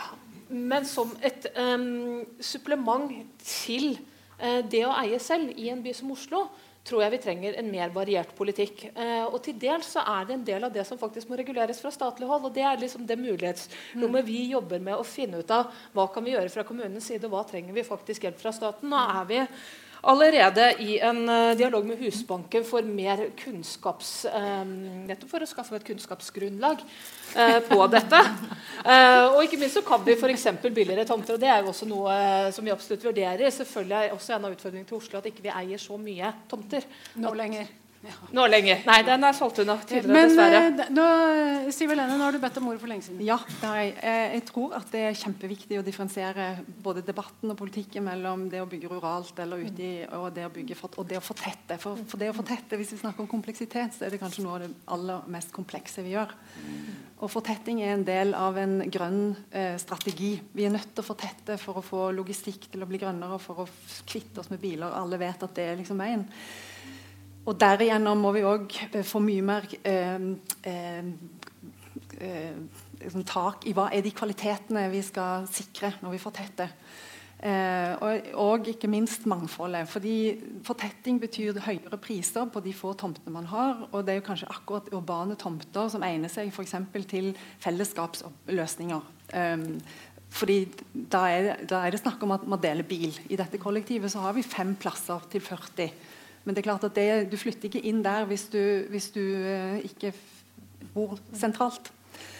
Og så vil jeg bare presisere, for det kom kanskje ikke godt nok frem, at i den, dette kollektivet så klarer vi jo ikke å tilby eh, priser på leilighetene sånn at eneforeldre kan komme inn. Eller førstegangsetablerere. Eller enslige som ikke selger en villa. Og det er jo akkurat de vi skal nå. For det er akkurat de som skaper den variasjonen, og som på en måte vil engasjere seg i fellesskapet. Så jeg påstår jo at i den modellen vi har i dag, med tomter som skal erverves på det frie marked, så, så, går det ikke an å, å lage den type eh, alternativer. Nå ser det veldig kjekt ut fordi vi får det til, men det er, en helt annen historie hvordan vi får det til. Ja. Og tomteprisene ja. i, i, som en del av fortettingen, det er jo en av de store ja. kjeppene i hjulene, vil jeg si. Mm. Eh, jeg vet at du har veldig lyst, Harald Martin, men først er det Mari. Ja, eh, Hvis ikke vi vil ha svare først, men jeg kan godt, eh, godt, godt komme, kom til det. For det, det, handler litt om også det her med, med, med fortetting. Jeg tror det er viktig, for det jeg nevnte også i, i innlegget mitt i sted, er jo nettopp det her med om, om byutviklinga er, er, forsømt eller ikke. Og nå er det jo veldig mange store byer også, eh, som, som, vi skal, skal fortette i. Jeg tror alle sammen har gjort så godt eh, som de kan, hvis jeg kan si det litt eh, banalt. Men jeg tror at vi har kommet et stykke på vei for å sørge for at plan- og bygningsloven er bedre tilpassa nå, som får bedre planprosesser i den tida som kommer. Men her tror jeg heller ikke er, vi er ferdig. Og jeg tror det er veldig store variasjoner også mellom kommuner i hvor stor grad man klarer å planlegge på en god måte. Og her vet jeg at vi også fra regjeringa sin hold vil ha veldig stort trykk på det i den, den perioden som også kommer nå. Harald Martin? Ja, på, ja, nei, unnskyld, unnskyld, unnskyld, Siri først. Ja. Ehm, jeg mener selvfølgelig ikke at byutviklingen er forsømt i alle norske kommuner. Det jeg mener er at Vi på Stortinget må ta et større ansvar for å sette byutvikling og boligpolitikk på dagsorden. Ehm, og særlig Oslo er jo en, eh, en forbildekommune, mener jeg, på hva byrådet har fått til i den siste perioden. Det er altså en uh, boligbygging og regulering av nye boliger har skutt en voldsom fart i Oslo. Uh, og Det er jo en villet politikk fra, fra byrådet. Er, byrådet satte ned en sånn hurtigarbeidende um, boliggruppe som skulle komme opp med forslag til hvordan man kan få bygd eh, hurtigere og flere boliger i Oslo. Det kjenner Hanna mye bedre til enn meg, hva slags ideer de kommer med, og hva som følges opp fra byrådet sin side. Men Oslo har gjort veldig veldig mye bra for å sette både miljøvennlig boligbygging og få flere boliger eh, bygd. Det tenker jeg, jeg tror det folk i, i Norge er opptatt av nå, i hvert fall i Oslo og i andre, de andre store byene, er hvordan ungene våre skal få råd til å bosette seg i byen vår. Det er blitt en utfordring nå at også i nabokommunene rundt Oslo så opplever foreldre at når barna skal etablere seg, så må de etablere seg i kommunen utenfor den kommunen som eh, familien opprinnelig bodde i. Og det bekymrer familier, selvfølgelig. Og det kan jo ikke være sånn i Oslo at en familie med hva skal jeg si, ordinær inntekt, da, om du jobber i Oslo kommune som lærer eller sykepleier, sånn at du ikke skal ha råd til å bo i Oslo, det er noe som vi politikere må ta tak i. Det er kjempeviktig. Men, ja, men er det det? Kan vi ta den ballen? Er, eh, skal det være en menneskerett å bo innenfor eh, Ring 3? Det har aldri bare for Dette kan jeg. Ja, ok, da får du Da får du det først, og så er det Hanna, og så er det Siv Helene. Det har aldri for en singelhusholdning vært mulig å kjøpe seg en leilighet innenfor Ring 3 i Oslo uh, uten egenkapital. Det har aldri vært det. Og kravet til egenkapital er nå som det er, fordi boligprisene er som det er. Eh, hva skal du si, relativt høyt, da, eh, som er statlig politikk, for så vidt. Fem ganger inntekten. Men eh, eh det har aldri vært mulig. Så, og det kommer heller aldri til å bli mulig uten, utenfor de som har arva eller vunnet i Lotto eller allerede tjent seg opp den egenkapitalen de skal ha. Sånn er det bare. Og Sånn er det i resten av verden hvis du skal kjøpe en bolig. Med mindre man skal gjøre stats, altså med mindre Husbanken skal tilbake på banen som et boligpolitisk virkemiddel og gi eh, mye lengre lån, altså mye, lang, mye, mer langsiktige lån, sånn at folk får, eh, får eh, også lånt egenkapitalen som skal til. Men, men, la meg legge én ting til, så kanskje du kan ta den ballen, Anna. Men en ting til inn, en, i den uh, variabel inn i den ligningen, nemlig endringer i arbeidsmarkedet. Uh, en økt grad av en service- og kunnskapsbasert uh, økonomi og sysselsetting fører jo til at bosettingsmønsteret endrer seg. Uh, og folk ikke lenger bor der ute hvor naturressurser tas ut og foredles osv. Vi, vi har også et arbeidsmarked som fortettes. Det er ikke bare fordi folk syns det er kult å bo ved byen. De vil gjerne bo der hvor de arbeider. Å få en endring på det er, jo også en, en, politisk sak. Jo, men bare, igjen, da, bare, bare veldig kort, fordi Min replikk var egentlig til Hanna. fordi du har så mange verktøy i skuffen. Hvis du ser på høyrestyrte Stavanger kommune, som, har, eh, som legger ut uh, rimelige tomter til selvbyggere. Uh, de har til og med etablert et kommunalt uh, boligselskap som nå skal bygge i kommunal regi. Du har Sandnes Tomteselskap som gjør noe av det samme. Så vi har masse verktøy i skuffen. Det er ikke noe i veien med lovverket vårt. snarere tvert imot så har vi et ganske fint lovverk. Spørsmålet er bare hvordan vi skal ta det i bruk. Det var, det var hovedpoenget mitt. da. Kjempefint. Da har vi Hanna, og så Siv Helene. Ja, nei, altså Vi har noen verktøy, eh, men samtidig f.eks. det her med eh, rimelige eiendommer, som er et veldig interessant verktøy, så har vi samtidig i Oslo utfordringen at vi har faktisk ikke så mye eiendom fordi at veldig mye er solgt unna, og veldig mye av det vi har, trenger vi til skoler eller barnehager, og vi er sånn at vi må kjøpe tomter til det eh, fordi vi har for altfor lite eiendom. Så det, det, er noen virkemidler som vi gjerne skulle hatt, men som vi dessverre ikke har i Oslo, selv om det også finnes virkemidler. og det er jo nettopp de vi fortsatt jobber med, med å finne ut hvilke av dette, hvilke av disse disse virkemidlene kan være hensiktsmessige. Men det jeg egentlig tegnet meg for, var dette med om det er en menneskerett å bo innenfor Ring 3. Mm -hmm. eh, selvsagt så er det ikke det. Men Uh, ut fra et miljøperspektiv så er det veldig bra at folk bor på en måte som gjør at de har tilgang på gode fellesløsninger, særlig i forhold til transport. Uh, I Oslo så er uh, 60% av våre klimagassutslipp kommer fra transport. Så det at folk velger å bosette seg steder hvor de kan sykle, de kan gå, hvor de har godt kollektivtilbud, hvor de har tilgang på gode barnehager i nærområdet osv., er i utgangspunktet veldig bra. Og, og det ligger, er jo liksom noe av kjernen i for så vidt hvordan byutviklingsstrategien i Oslo har vært over eh, ganske mange år. Um, så det, det, bør vi legge til rette for, men samtidig så er det det vi må passe på at vi allikevel klarer å ha et mangfold i de områdene. For utfordringen er jo nettopp, eh, siden jeg, som jeg nevnte for i stad med Tøyen, at man har områder hvor man har et stort mangfold i dag, men man kan komme til skade for at det blir så dyrt at mangfoldet blir mindre, og at det hvert blir veldig ensartet. Så det er Derfor så tror jeg man trenger en politikk som ikke bare sørger for at folk um, skal bo der fordi det er en uh, menneskerett eller fordi det er miljøvennlig, men fordi at folk skal bo der fordi det er et godt bymiljø. Og Det tror jeg vi trenger en mer aktiv politikk for. Eh, nettopp fordi at gentrifisering er noe som skjer. og Det er naturlige prosesser, men man kan samtidig sørge for at man allikevel holder i mangfoldet. Der er det et interessant prosjekt i, i London som uh, kalles Fish Island. Uh, som jo er basert i et område som egentlig er et gammelt industriområde hvor det er veldig mange i kreative yrker, mange kunstnere, folk som, eh, eh, gründere som ikke tjener så mye, som har bodd fordi det er rimelige bygningsmasse der. Og så er det nå i ferd med å ta seg opp og bli nye boliger. Det er i ferd med å gentrifiseres. og Dermed så utvikler man et prosjekt som skal både inneholde eh, subsidierte boliger til de som er vanskeligstilte. Det skal være rent kommersielle boliger, og ikke minst skal det også være boliger for nettopp den eh, gruppen i kreative yrker, gründere, og arbeidsplasser til dem. Mm. Hvor tanken er nettopp å få til å beholde et spennende og variert, mangfoldig byliv i den bydelen, selv om det skjer en utvikling der. Så Det er veldig spennende. Det er, det er under oppføring nå, men om det lykkes, så tror jeg det også er et veldig sånn spennende tilskudd til hvordan kan man få gode byer også. Men bare, bare husk at De har en diametral annerledes samfunnsøkonomi enn vi ja. har i Norge. I det perspektivet så er det ikke så lett. Men Nei. kommunen kan, du kan, som vi også kan, mm. uh, gi bud på eiendom. Ja, ja. Det gjør vi jo. Fordi det er jo ikke sånn at det at kommunen kjøper en eiendom for å utvikle et boligprosjekt, nødvendigvis er til uh, at det bare er en, at det bare er en, en kostnad. Det er jo en investering for kommunen også, og for fellesskapet. Så man kan jo godt gjøre det.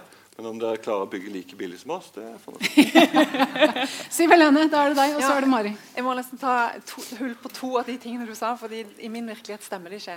Det er ikke billigere å bygge med massivtre enda. Og vi har nettopp fått den til priser. Ja, men så bra. Da ser jeg frem til mange Selvåg massivtrehus fremover.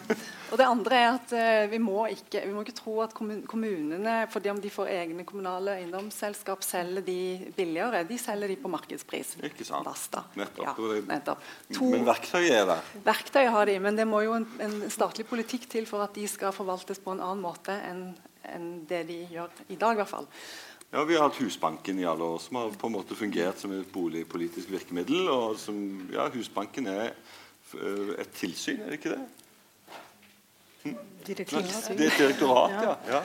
Men uh, det fungerer jo ikke lenger. Gjør det det? Men jeg vil eh, bare ja, ja, Det er ikke mye støtte å få til å bygge nei, nei. billigere. Eller bygge miljø, mer miljøvennlig. Arbeiderpartiet har lagt inn mye flere penger i den låneramma til Husbanken i sitt statsbudsjett. og Det gjør vi mm. hvert år.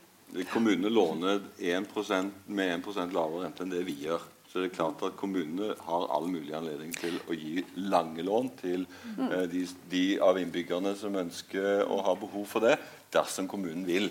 Det handler, dette her handler om å ta verktøy vi allerede har i bruk, hvis det er ønskelig. Altså hvis, eh, man at, at, eh, hvis, man forstår bolig som samfunnsutvikling, så må man jo kunne se, se annerledes på hvilke budsjetter som hører hjemme hvor. Mm. F.eks. det å ta på eldreomsorgen. Hvis det kan også løses innenfor fellesskapsløsninger eller boligutvikling, så må man jo kunne ta noe mm. Nå spør jeg dumt, men men i et perspektiv av samfunnsbygging så må man kanskje se annerledes på, på hva som skal reguleres i forhold til boligbygging. Jeg, jeg, har lyst til å stille spørsmålet hvorfor er det så vanskelig? jeg må ikke se på meg. Det er dere som er eksperter. Igjen da, vi gjør, vi gjør, det allerede. og det er, der jeg er litt, det der jeg er litt opptatt av at vi zoomer litt ut. Fordi eh, jeg har reist mye på studietur, og spesielt i Europa, i 15 år nå. Og det er ikke sånn at bolig, boligproduksjonen i Tyskland og Østerrike er så vanvittig mye fetere enn det vi får til her. Det, det er ganske mye åndsfattig, kjedelig boligkarréstrukturer der også, og av nyere dato. Nummer to, det er jo ikke sånn at Mangfoldet av boligtilbud er så veldig mye bredere og større i Danmark og Tyskland og England osv. Du har, du har en, en annen eierform. Eh, I Tyskland vet vi at eh, ca. halvparten av boligene i leiemarkedet er eh, offentlige. Deler av de er subsidiert, og deler av de er eid av stiftelser. Men halvparten er også eid av fem superrike personer som melker det leiemarkedet for det det er verdt. Så det er ikke, Dette er ikke noe glansbilde som vi skal forsøke å klistre på boligdebatten i Norge ved å speile oss til andre land, som tross alt har en helt fundamentalt annerledes samfunnsøkonomi enn det vi har. For med en gang du river vekk La oss si at, la oss si at det offentlige nå plutselig pøste subsidier inn i et boligmarked og sa at nå skal det å leie eh, forente seg på samme måte som det å eie en bolig. Da river du, altså, da river du ut eh, formuesskapningen gjennom 100 år i Norge over natta. Og det går jo ikke. Det er jo ikke, det er jo ikke den type virkelighet vi har lyst til å våkne opp til i morgen. bare fordi at man bare fordi at man skal forsøke å ha større bredde i boligmarkedet. da. Men det må kunne gå an å liksom skru litt annerledes på en del forskjellige knapper. Nå var det, er det Mari først, og så er det Hanna. Ja, jeg mener, altså Man kan stille seg spørsmålet trenger vi mer, mer statlig politikk. Og da mener jeg at vi også er nødt til å zoome tilbake. Jeg synes det er helt riktig som han sier. Hvis du trekker pluggen ut, så tar du ut mye av den verdiskapninga vi har hatt. Og dessuten så mener jeg at variasjonene rundt omkring i kommunene uansett er veldig ulike. Og når det tross alt finnes ganske mange verktøy i verktøykassa til kommunene for å legge til rette for variert boligbygging, så tror ikke jeg løsningen på det er mer statlig overstyring.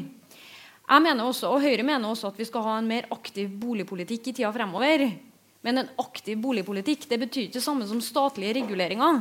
Og det er nok der kanskje noen av partiene våre også, også skille, skille en del, del lag. Hva, hva mener, mener, du med aktiv boligpolitikk? da? Nei, jeg mener at Som aktiv boligpolitikk så er det særlig to ting jeg ville ha trukket frem. Det første er det at vi har en oppgave som tilrettelegger å sørge for at vi forenkler regelverket, sånn at det blir raskere og billigere å bygge. Og eh, jeg ville også ha trukket frem at vi har også en rolle som tilrettelegger når det kommer til utvikling av bo- eh, og arbeidsregioner, sånn som jeg også har snakka om. Hvor man sier liksom at altså, noe, Det er helt eh, riktig at noe av de største klimagassutslippene også er transportsektoren til Oslo. Ja, da er vi nødt til å bygge ut boliger. Ikke nødvendigvis sånn at alle sammen er nødvendigvis nødt til å bo innenfor Ring 3 men at det går an til å bo i nærheten av kollektivknutepunktene som bygges også ut rundt Oslo, rundt Bergen og rundt Trondheim.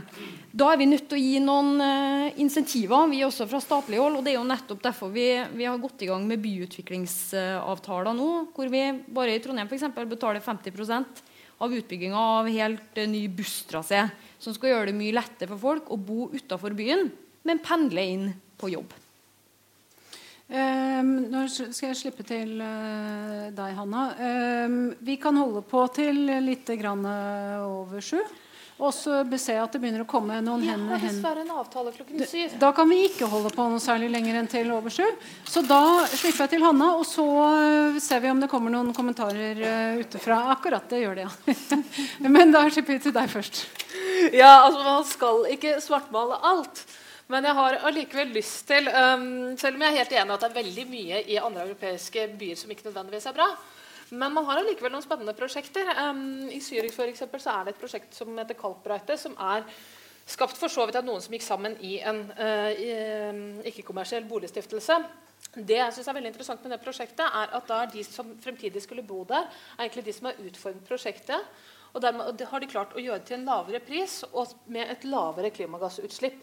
Uh, og det er fordi at De fremtidige beboerne har vært inne og gjort helt spesifikke valg på hva slags type materiale man skal bruke. Uh, hvordan man skal, altså Ikke minst gått ned på kvadratmeter per person, for de fant ut at ok, det er bra for klimagassutslippet. Og så heller har vi fellesarealer. Og Det er interessant å se den formen for innovasjon. og det, uh, Selv om vi har noen gode da, eksempler i Norge, så tenker jeg at for å få til mer innovasjon og mer variasjon, så er det det å klare å få til de gode eksemplene. Og det er noe som vi, selv om vi har noen kanskje allikevel fortsatt har litt for lite av i Oslo og i Norge. Da. Det kan vi være enige om. Da har vi en kommentar der nede.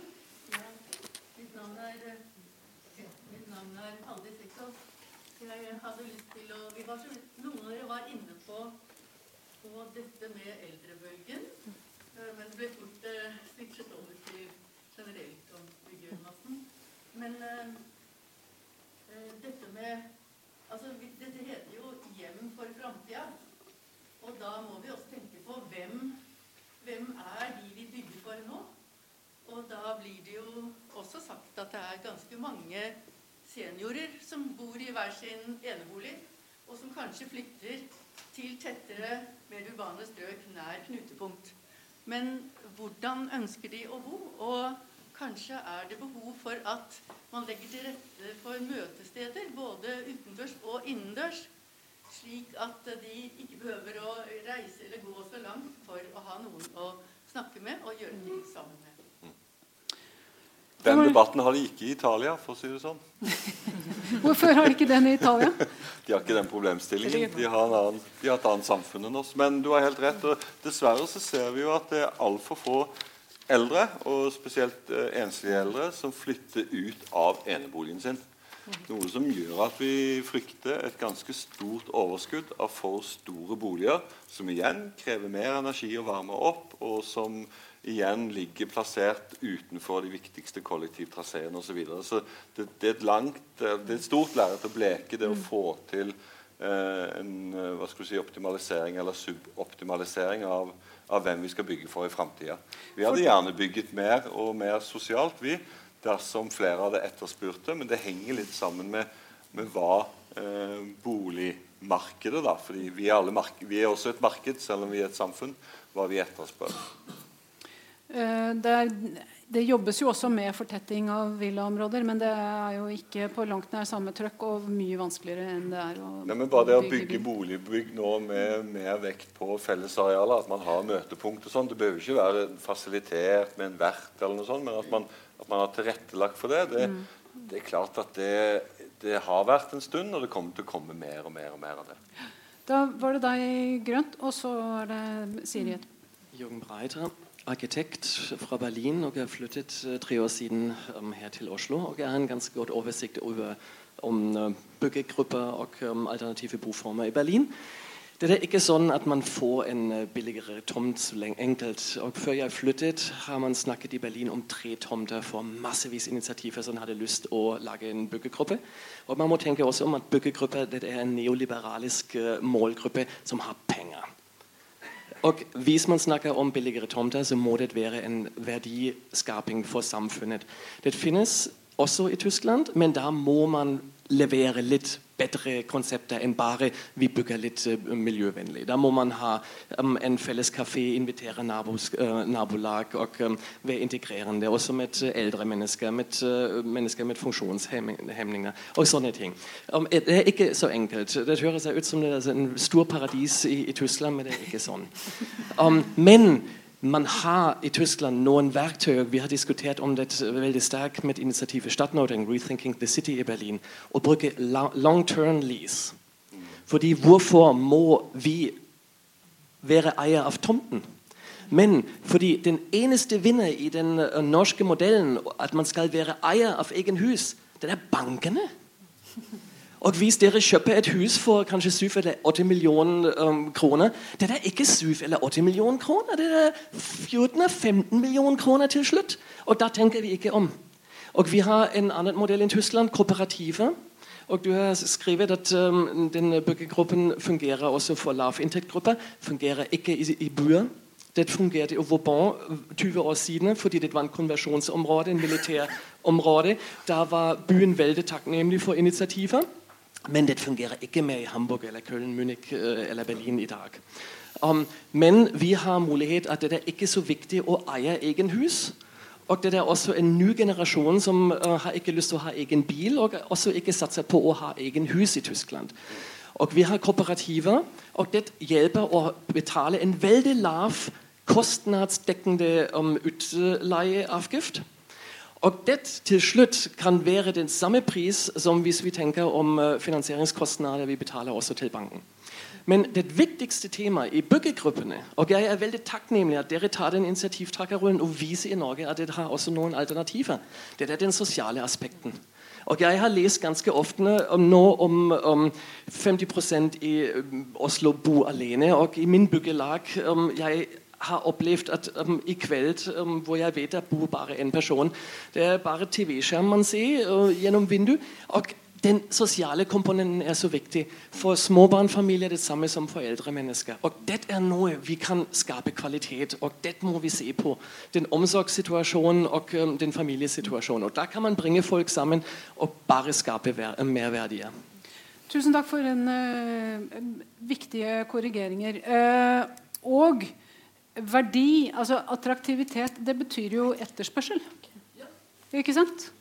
Det er jo ikke at man skal bygge for å være grei eller påtvinge folk løsninger de ikke har interessert i. Dette skaper etterspørsel.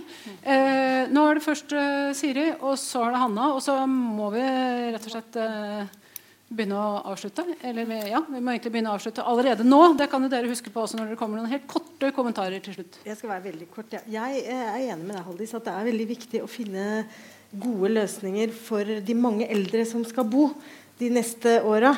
Uh, og bare for å ta min egen bydel i forhold til det med fortetting. Jeg bor i bydel Nordstrand. Den første fortettingen som kom rundt et kollektivknutepunkt, kom på Holte. Ikke veldig vellykket og har blitt uh, æreskjelt i alle aviser i Oslo. Uh, så kom Lambertseter senter. Der er det jo ikke så mange boliger ennå, men det var et kjøpesenter som folk syntes blei veldig fint. Så kom det en fortetting på Seter, og da skjedde det at veldig mange som satt i store villaer på Nordstrand, byttet ut de med dyre leiligheter. Jeg tror knapt de fikk billigere leiligheter, men de solgte store villaer og kjøpte seg nye leiligheter fordi det har blitt veldig fint der. Seter torg har blitt et veldig sånn hyggelig boligområde med fine, kvalitative boliger på toppen og mange kafeer og butikker nede.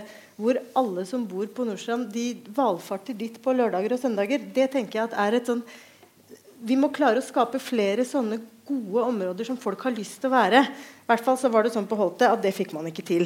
Det er kanskje noe med erfaringen òg. at Holte var en av de første fortettingene i Oslo av den karakteren. I alle fall, mens nå begynner det å komme flere. Så en annen ting i forhold til det med eldre, det er jo dette her med heistilskudd. Og det er Arbeiderpartiet veldig opptatt av. At det er mange eldre, f.eks. i Groruddalen, som bor i blokker som er på fire, kanskje fem etasjer, hvor det ikke er heis. Og det er klart, Da har ikke de muligheten til å bo så lenge hjemme som om de hadde hatt heis. Det var en sak som var viktig eh, i Groruddalssatsingen også, men som aldri ble en del av det. Eh, og som jeg egentlig ikke veit eh, om Oslo kommune har noe sånn fokus på. Men det er klart det, at eh, folk bor lenger hjemme hvis de kan slippe å gå fire etasjer i trapp. Da begynner det å krible i bena hos veldig mange, særlig hos byråden Hanna. Ja, så Derfor skal jeg prøve å være kort. Jeg hadde bare lyst til en liten kommentar på dette med alternative boformer, som jeg egentlig opplever at både altså, definitivt du er inne på, men at også du er inne på. For det handler om egentlig den store andelen eldre, og for så vidt yngre, som er, bor enslige, og som av foreldre selv skal bo hjemme lenger. Og kanskje også trenger et sosialt fellesskap. Og nå er det slemt å si noe, siden Selvåg ikke Obos som er her, å si noe, for dette er f.eks. noe jeg har spurt Obos om. At Hvorfor eksperimenterer dere ikke litt mer med den formen for alternative boformer, hvor man f.eks. har noe sosiale fellesarenaer? De svarte da at det er det ikke etterspørsel etter i vår medlemsmasse. Men jeg er litt usikker på om er det fordi at det ser ut fra hvordan medlemsmassen er nå, eller er det fordi man har gjort analyser? Ja, så må du jo markedsføre dette her. Du må jo lage reklame for gode boliger. Du må jo kjøre på ja, og det, er det, det, det, der jeg tenker at Der må man kanskje jobbe mer for at folk faktisk ser for seg at oi, det er kanskje et alternativ. Da blir det attraktivt. Så jeg tror det er noe med den dynamikken der vi må jobbe litt med for å klare å få mer nettopp alternative boformer som tar inn over seg at vi trenger boliger som også er sosiale for de mange som bor alene i denne byen, uavhengig av alder. Jeg tenker Hvis man klarer å selge frue melonyoghurt, så klarer man vel å selge alternative boformer. ja, så, vi, selger, vi selger det jo òg. Altså, Plusskonseptet hos oss med denne vert- eller vertinneordningen er jo en suksess. Det er ingen ja. tvil om det. Ikke sant? Ja. Eh, Mari, helt kort. Helt, helt, helt kort. Ja, jeg ja. syns jo det, det, er veldig viktig også å se på dette med alternative boformer. Men da syns jeg egentlig det, det er godt, godt, sagt, det. Det Obos har sagt, det er ikke etterspørsel etter det. Nei, men da må jeg begynne å tilby det ut på det åpne markedet, sånn at folk faktisk ser er alternativ. Hvis folk da ønsker å kjøpe det, så er det ingenting som gleder meg mer enn at det da blir realisert og folk får bo i de boligene de ønsker. Boligutvikling. Ja, OK, da. Du kan komme bort til meg etterpå. Altså. ja. Det kan du gjerne gjøre. Liten replikk. Det er bare at Vi er en gruppe som har henvendt oss til noe et boligområde som Obos skulle selge. Da fikk vi høre at Obos selger bare hvor, hvor, altså, Dette med ansiennitet teller. Det nytter ikke da å være en gruppe. Eldre burde jo ha god ansiennitet. Ja. Eh, men Men verktøyene fins. Gode boliger tar tid. Problemer og løsninger begynner allerede å finne hverandre. Boligproduksjon er vanskelig, men det er altså ingen grunn til eh, ikke å ta fatt. Og jeg håper at vi i hvert fall har bidratt til å både eh, sette søkelys på problemer og løsninger her i kveld. Tusen takk til alle som har kommet. Tusen takk til panelet.